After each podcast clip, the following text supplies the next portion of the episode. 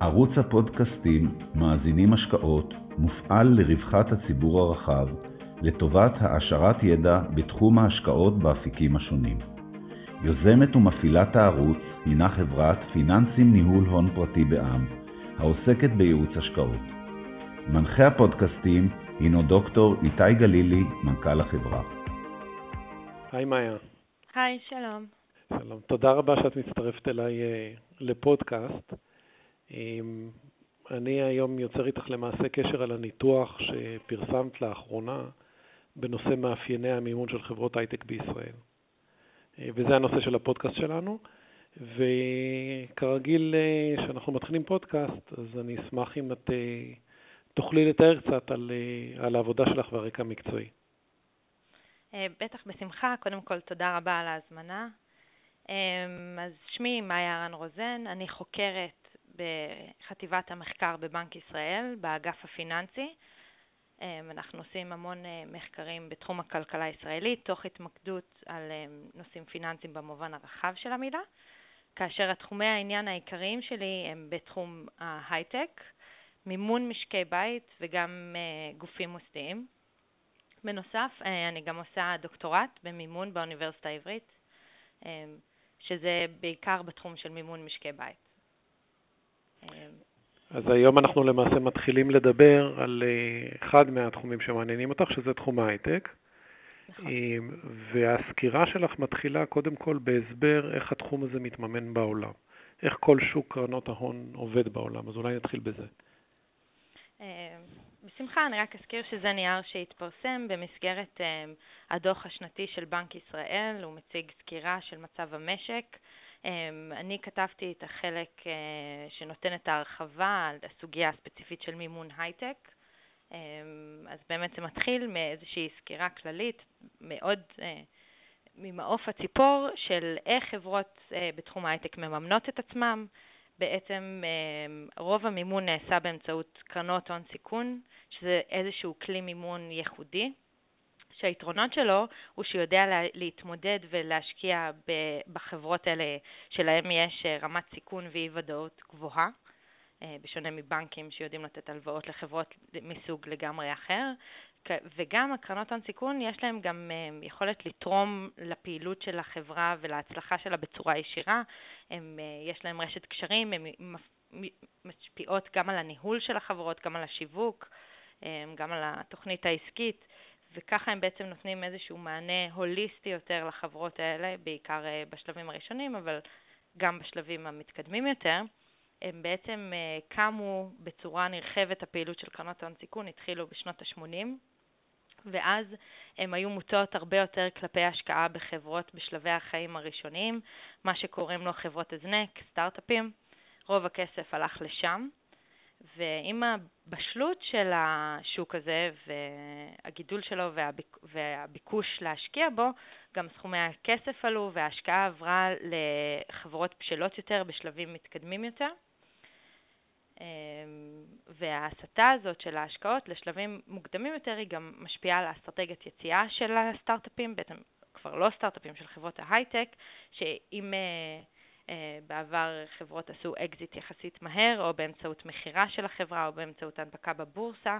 היום אה, חברות עוברות הרבה יותר שלבי גיוס באמצעות קרנות הון סיכון, עד שהן מגיעות לשלב האקזיט, אה, והתהליך הזה נדחה, ונכנס הרבה יותר כסף דרך קרנות ההון סיכון. אנחנו, התחום הזה לא, למעשה לא נעצר במשברים של שנת 2000 ואחרי זה המשברים של שנת 2008. לא, היה, אמ, זה בעצם השקעה היא מאוד, אני אגיד על זה, אני אחזור על זה עוד פעם אחר כך אולי, אבל זו השקעה מאוד פרו-מחזורית. אמ, יש עליות מאוד גדולות וירידות בהתאם למחזור העסקים, אז הם באמת נפגעו במשבר של שנות ה-2000 ו-2008, אבל יש התאוששות, ואנחנו בשיא בישראל בוודאות בתחום הזה. אז אולי, אז אולי באמת נדבר על אה, איפה ישראל, איך, איך ההייטק בישראל מתממן ואיך זה עומד ביחס לעולם. אמ, אחלה. אז אמ, קודם כל חשוב להבין שבישראל הייטק בכלליות זה סקטור שתופס נתח מאוד משמעותי מהכלכלה. אמ, מגזר ההייטק תופס 11% מהתוצר העסקי, מהתוצר בשנת 2019, 14% מהתוצר העסקי. המשק מאוד מוטה כלפי הייטק, זה כפול בערך מהממוצע של מדינות ה-OECD, זה יותר מארצות הברית, המדינה היחידה שמתקרבת אלינו זה אירלנד, ובהתאם גם הכמות ההון סיכון שנכנס למשק הישראלי היא הכמות מאוד גבוהה. ישראל תופסת נתח של 4% משוק ההון סיכון העולמי. זה המון. זה פי 10 מהגודל שלנו בהשוואת התוצר העולמי, פי, וגם פי 10 מגודל האשראי העסקי שלנו בהשוואה בינלאומית. זאת אומרת, זה נתח, אנחנו ממש שחקנים מובילים, וזה תחום שבאמת מוזרם אלינו הרבה כסף. ומאיפה הכסף הזה מגיע? תמיד יש ביקורת שהמוסדים הישראלים לא, לא נכנסים לתחום הזה, והכסף הגדול של המוסדים, שמשרד האוצר מנסה למצוא את הדרכים אה, איך להכניס אותו לתעשייה הזאת, לא כל כך מראה סימנים שמגיע, אז מאיפה כן מגיע הכסף? הכסף מגיע רוב רובו מחו"ל. אה, קרנות זרות, בגלל ששוק ההייטק פה חם וגם קרנות ההון סיכון פה הם, אה, נכנס לפה הרבה כסף, יש פה שוק, אז הקרנות הגדולות, הרבה קרנות גם מהמובילות בעולם משקיעות בישראל, זה, בר... זה כספים זרים, ואפילו הקרנות הישראליות שמגייסות כספים שהניהול שלהן הוא ישראלי, מגייס... מגייסות את הכספים ממשקיעים זרים. כך שרוב הכסף נכנס מחו"ל, קצת נכנס בגופים המוסדיים, או ישירות או באמצעות ההשקעה בקרנות אה, ההון סיכון הישראליות. ולאיזה אה, שלבים של, אה, אולי נדבר קצת על סבב גיוס, סבבי גיוס, איזה סוג חברות, באיזה שלב עסקי מגייסים את ההון? אז אני, אני השתמשתי בנתונים שקיבלתי מ-IVC ו-SNC ברמת השקעה בודדת, ויש לי נתונים מ-1998 עד 2019. אני בוחנת את המגמה ארוכת טווח של הגיוסים, ורואים שיש עלייה מאוד משמעותית בכמות הכסף שנכנס בהון סיכון.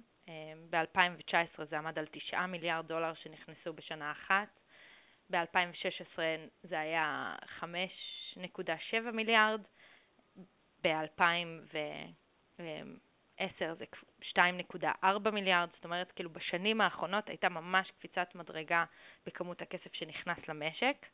וכשמסתכלים גם על השווי של הסבבים המאוחרים יותר מתוך סך ההשקעות, רואים גם כן קפיצה ועלייה.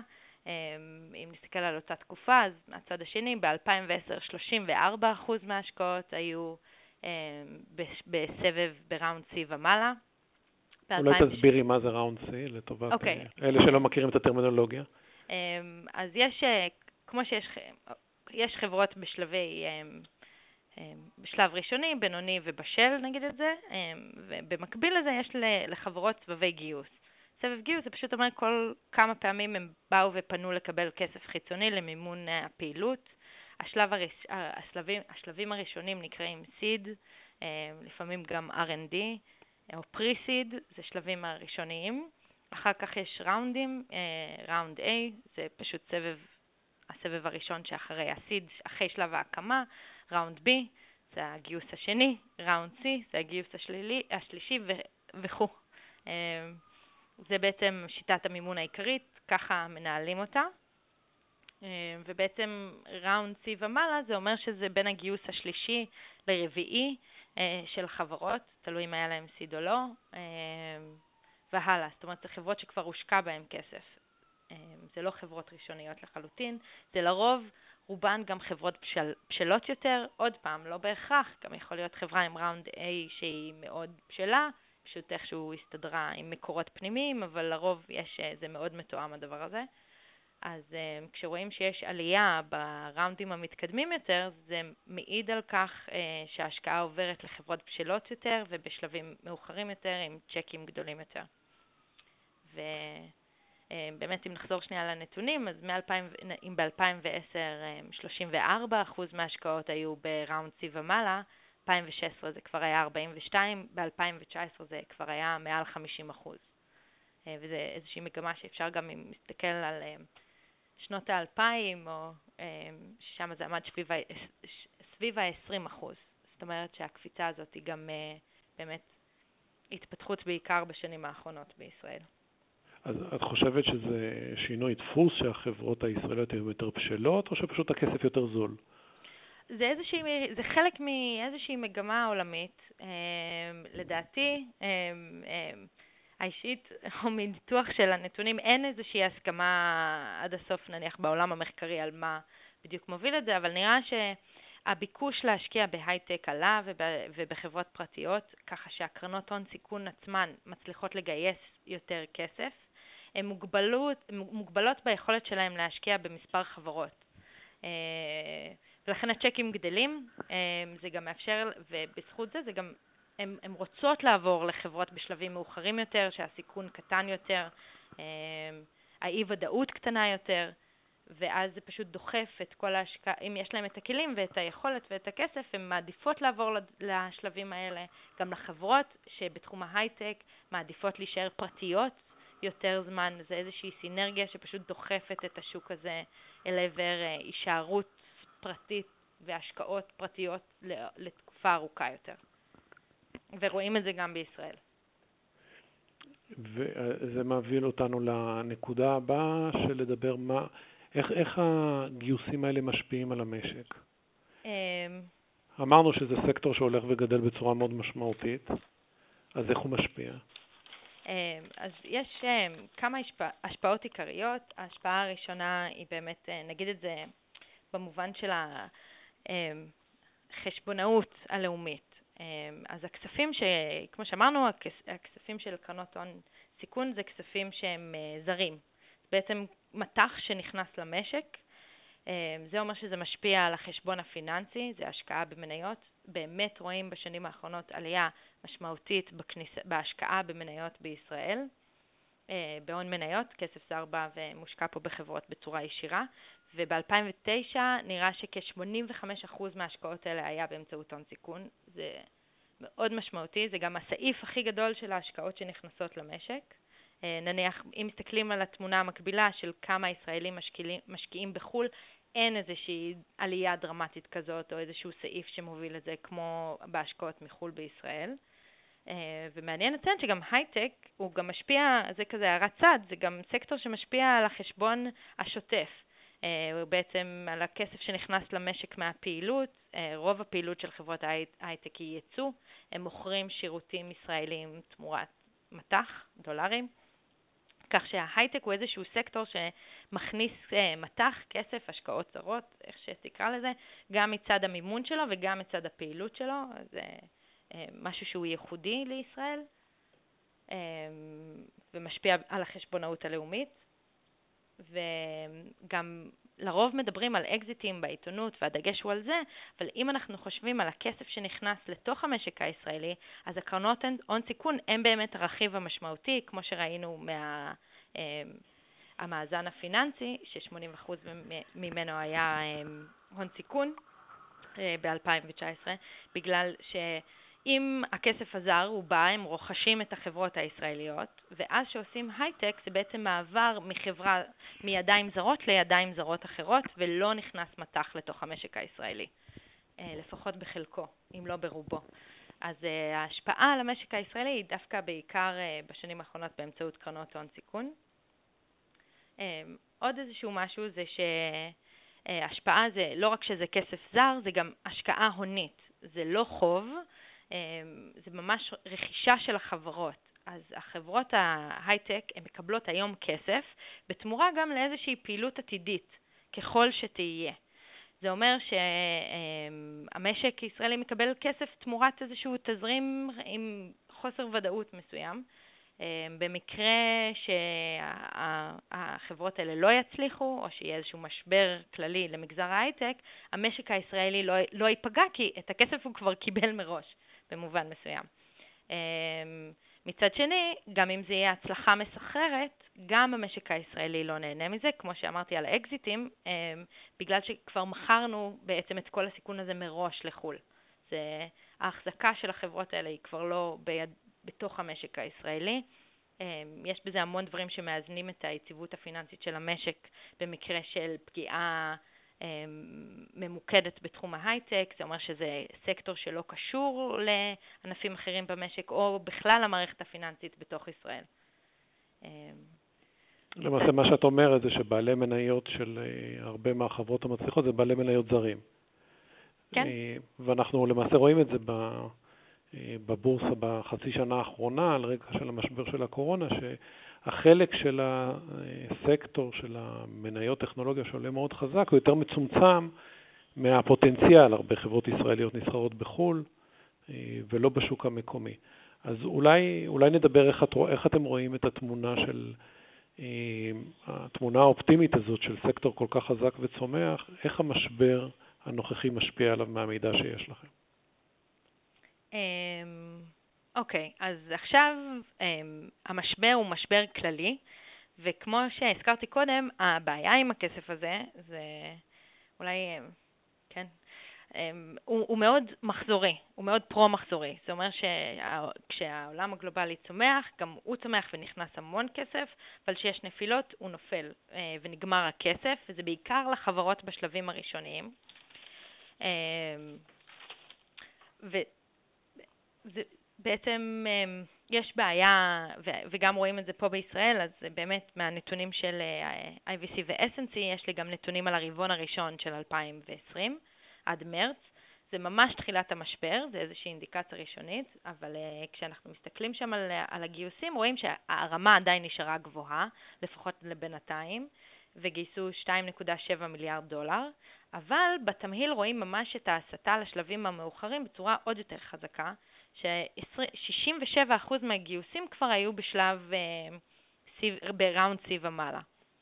אמ, ההסבר לזה הוא שהקרנות אה, העולמיות הן צופות שיהיה עכשיו משבר, הן יודעות שיהיה בעיה להן לגייס כסף, שיהיה בעיה לקרנות נוספות לקום ולצוץ ולהשקיע, ויהיה להן בעיה להשקיע במיזמים חדשים בעתיד. הן שומרות את הכסף אצלהן לחברות שהן כבר השקיעו בהן כדי לעזור להן להצליח.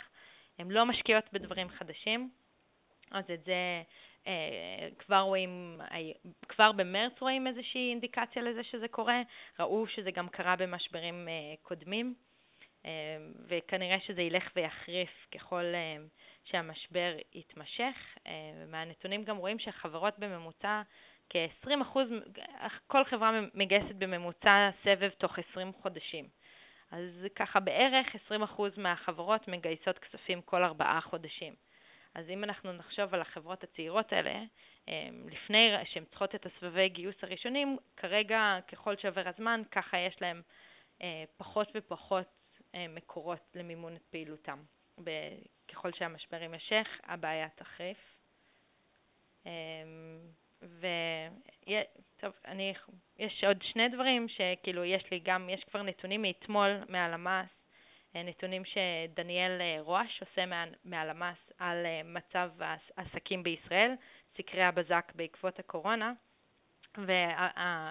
והפגיעה או אפילו פוטנציאל הפגיעה במימון החברות שהן יודעות שהולך להיות להן בעיות לגייס כספים, גם לאלה שעוד לא חוו את זה מיידית, רואים שיש להם צמצום מאוד משמעותי בכוח האדם, למרות שהן חברות שעל פניו, אתה יודע, זה לא מסעדות, זה לא תיירות, הם אה, לא, לא סגרו, אותם. כן, הם כולם יכולים, כמעט כולם יכולים לעבוד מהבית, גם ראו את זה בנתונים, שאין להם באמת איזושהי בעיה מהות קריטית, אבל חוץ מתיירות ומסעדות, הם, הם הענף שמפטר הכי הרבה, הם פיטרו כבר 7% מהעובדים ועוד 3% נמצאים בחל"ת.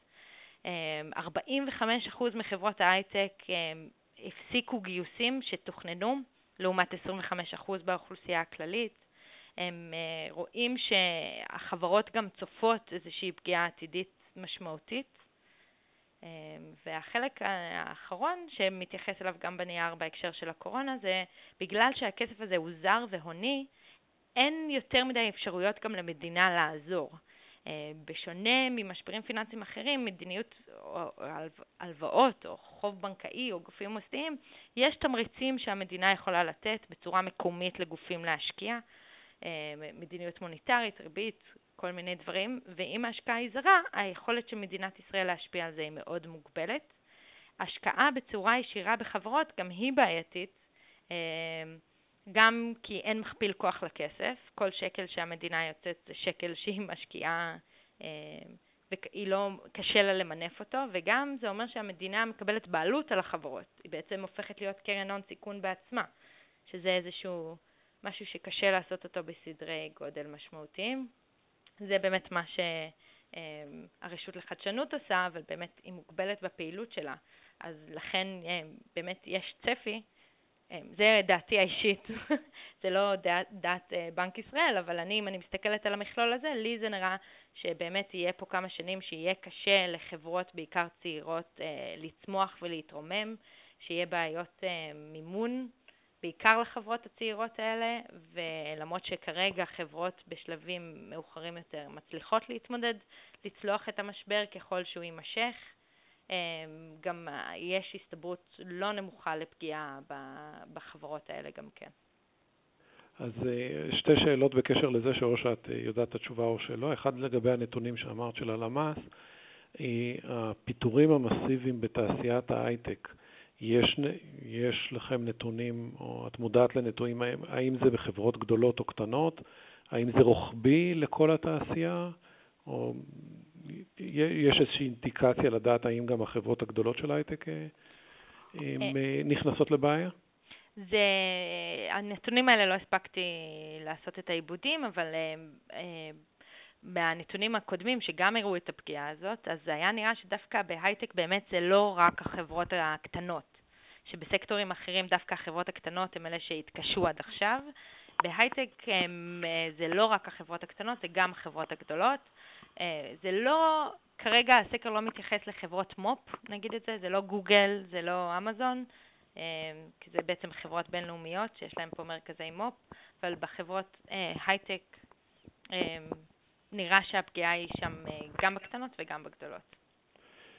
ושאלה אחרונה, שגם כן לא קשורה בצורה ישירה, אבל מה, אולי מה התובנות שיש לך מהתחום, אם המשקיעים הזרים לא נמצאים, או שיותר קשה לגייס אותם במצב שוק כזה, בחוסר ודאות, עד כמה יש כלים להכניס את השוק המוסדי הישראלי לתחום הזה? מה המגבלה שלו? למה הוא לא, לא מצליח להיכנס לתחום הזה בצורה שהיינו מצפים שיהיה? אז אה, קודם כל, אה, רשות החדשנות רצתה, היא יוצאת עם פרויקט אה, לתת ערבות להשקעות של גופים מוסדיים ישראלים להשקעה בעצם להקים קרנות הון סיכון ולהשקיע בחברות הייטק מקומיות. היא רצתה לתת חצי מיליארד שקל אה, ערבות להשקעה כזאת. ורואים, כבר הם עושים הודעות עכשיו, שהם משנים את התנאים בחוזה כי זה לא מתרומם. אמ, זה דעתי האישית, עוד פעם. זה לא מתרומם מה, בטווח של אה, שלושה חודשים? אולי זה מעט מדי זמן, לא? אמ, יכול להיות, אבל אני, אני, איך שאני מנתחת את זה, אתה רואה שבחברות בשלבים המאוחרים יותר, נראה שאלה חברות שכבר קרנות הון סיכון השקיעו בהן ויש להן איזשהו קשר ישיר מול קרן, מול מישהו שמוכן להשקיע בהן ומכיר אותם. וכנראה שהם צופים שיהיה להם, אם הן חברות טובות, אה, הקרנות ימשיכו להשקיע בהן.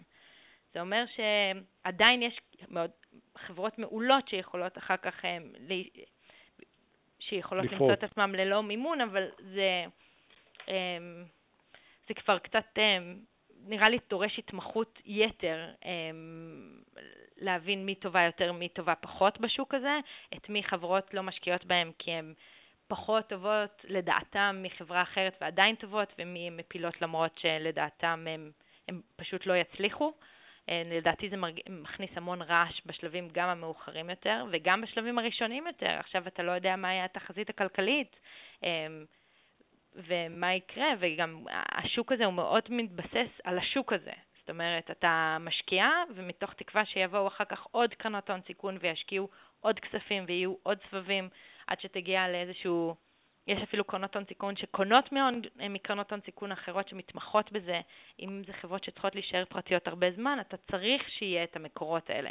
אם אתה צופה שיש שם אה, הידלדלות בכסף ברמה העולמית, אה, זה מעלה את הסיכון והאי-ודאות עוד יותר ומעל ומעבר. כתבתי גם בעבר עם חוקרים נוספים פה באגף על השקעות של גופים מוסדיים בקרנות הון סיכון ובהון פרטי, שזה איזשהו מודל רחב יותר ופחות מסוכן. ובאמת יש פחות השקעות, אבל באמת עולה השאלה אם זה הדבר הכי כדאי, קרנות הון סיכון זה באמת משהו מסוכן, המשק הישראלי הוא מאוד חשוף אליהם, זה דורש איזושהי התמחות. יכול להיות, יכול להיות שכדאי לגופים המוסדיים להשקיע בזה ולעבור את המחסום הזה של ההתמחות. יכול להיות שהרשות החדשנות תצליח אה, לעזור להם ולספק להם את הכלים לעבור את המשוכה הזאת, והם יתחילו להשקיע פה אה, בצורה יותר נרחבת, ואולי זה יהיה חיובי, אבל אולי הם צריכים גם לעבור להשקעות הון פרטי, שזה אה, בחברות השקעה הונית פרטית בחברות שהן לא בהכרח הייטק, ברמת סיכון יותר נמוכה בעולם, לפזר סיכונים, שזה לא יהיה איזשהו, בגלל שהסקטור, בגלל שהמשק הישראלי כל כך חשוף להייטק, לא בטוח שצריך לעשות אובר חשיפה לדבר הזה גם עם הכספים הפנסיוניים. דעתי האישית, זה, יש שיתווכחו, אבל אין ספק שהגופים המוסדיים כן צריכים להיכנס לזה לפחות קצת, ובינתיים הם שם. שאלה אם זה מספיק או לא מספיק. שאלה היא גם אם אפשר, אה, אם רק הון סיכון זה מספיק. אה, אני יודעת שהרשות החדשנות פועלת להציע מגוון של מוצרים, לנסות להכניס פה גם השקעות חוב, גם מבנקים בינלאומיים, גם מבנקים מקומיים. זו יוזמה שבאמת יכולה להפוך את ה... אה, פשוט לגוון את מקורות המימון, שזה משהו שהוא חיובי. גם חלק מזה אני מניח שזה צעדים שהבורסה צריכה לעשות. לפתוח את השערים יותר לחברות ישראליות צעירות, בתקווה שזה יצליח. כן, יש שאלה עם איזה כיוון אה, ההתייבשות, אם זה היצע או ביקוש, אם החברות מעדיפות להנפיק בארצות הברית, כי זה נותן להם ערך מוסף. או כי השוק אמריקאי, כי המימון אמר... אמריקאי, באמת הם יכול להיות שאם זה מכניס אותם לפאזה הזאת, אז הן נשארות בחו"ל. אם, אם באמת יוקם פה יותר מקורות מימון מקומיים, יכול להיות שזה גם ישפיע על ההנפקות שלהם בבורסה המקומית. ולא כן. הפוך. או שהבורסה תשפיע על... זה גם יכול להיות הפוך, שאם הבורסה תפתח את זה, יהיה גם יותר רצון להשקיע בצורה מקומית. שאלה מעניינת. בקיצור, יש עוד הרבה מקום לעבודה, בטח בתוך משבר כזה. כן. אה, מאיה, תודה רבה, וכפי שדיברנו קודם, אנחנו נתאם אה, פודקאסט נפרד לגבי תחום ההתמחות שלך בדוקטורט. אשמח, תודה. תודה רבה. להשתמע, ביי ביי.